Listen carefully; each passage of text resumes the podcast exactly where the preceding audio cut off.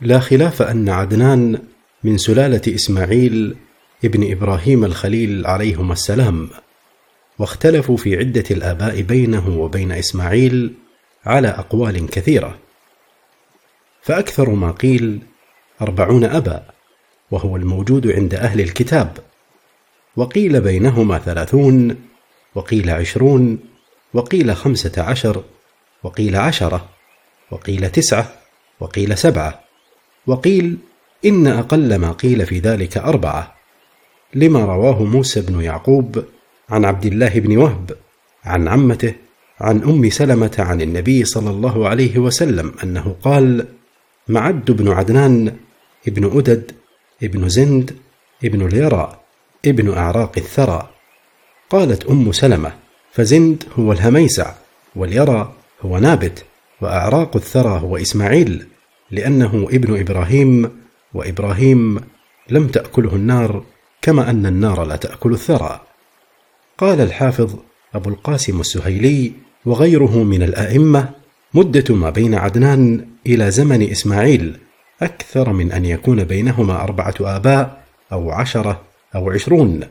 وذلك أن معد بن عدنان كان عمره زمن بخت نصر ثنتي عشرة سنة.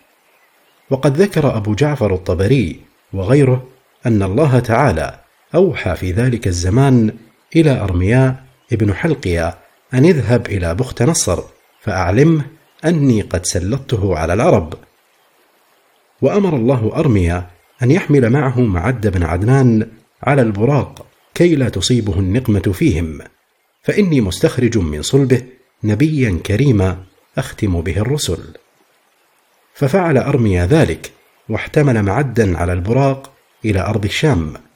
فنشأ مع بني إسرائيل ممن بقي منهم بعد خراب بيت المقدس وتزوج هناك امرأة اسمها معانة بنت جوشن من بني دب ابن جرهم قبل أن يرجع إلى بلاده. ثم عاد بعد أن هدأت الفتن وتمحضت جزيرة العرب وكان رخيا كاتب أرمياء قد كتب نسبه في كتاب عنده ليكون في خزانة أرمياء فيحفظ نسب معد كذلك والله أعلم. ولهذا كره مالك رحمه الله رفع النسب إلى ما بعد عدنان. وقال أبو عمر ابن عبد البر في كتابه الأنباه في معرفة قبائل الرواة روى ابن لهيعة عن أبي الأسود أنه سمع عروة بن الزبير يقول: ما وجدنا أحدا يعرف ما وراء عدنان ولا ما وراء قحطان إلا تخرصا. وقال أبو الأسود: سمعت أبا بكر ابن سليمان ابن أبي خيثمة وكان من أعلم قريش بأشعارهم وأنسابهم يقول: ما وجدنا أحدا يعرف ما وراء معد بن عدنان في شعر شاعر ولا علم عالم قال أبو عمر رحمه الله والمعنى عندنا في هذا غير ما ذهبوا والمراد أن من ادعى إحصاء بني آدم فإنهم لا يعلمهم إلا الله الذي خلقهم. وأما أنساب العرب فإن أهل العلم بأيامها وأنسابها قد وعوا وحفظوا جماهيرها وأمهات قبائلها واختلفوا في بعض فروع ذلك.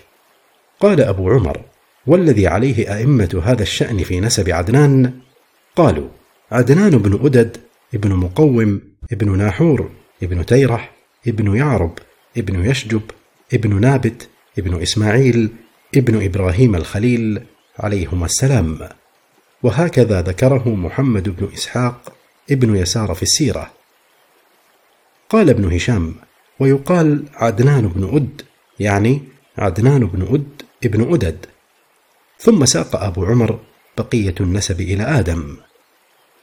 وأما الأنساب إلى عدنان من سائر قبائل العرب فمحفوظة شهيرة جدا لا يتمارى فيها اثنان والنسب النبوي إليه أظهر وأوضح من فلق الصبح وقد ورد حديث مرفوع بالنص عليه كما سنورده في موضعه بعد الكلام على قبائل العرب وذكر أنسابها وانتظامها في سلك النسب الشريف والأصل المنيف إن شاء الله تعالى وبه الثقة وعليه التكلان ولا حول ولا قوة إلا بالله. العزيز الحكيم.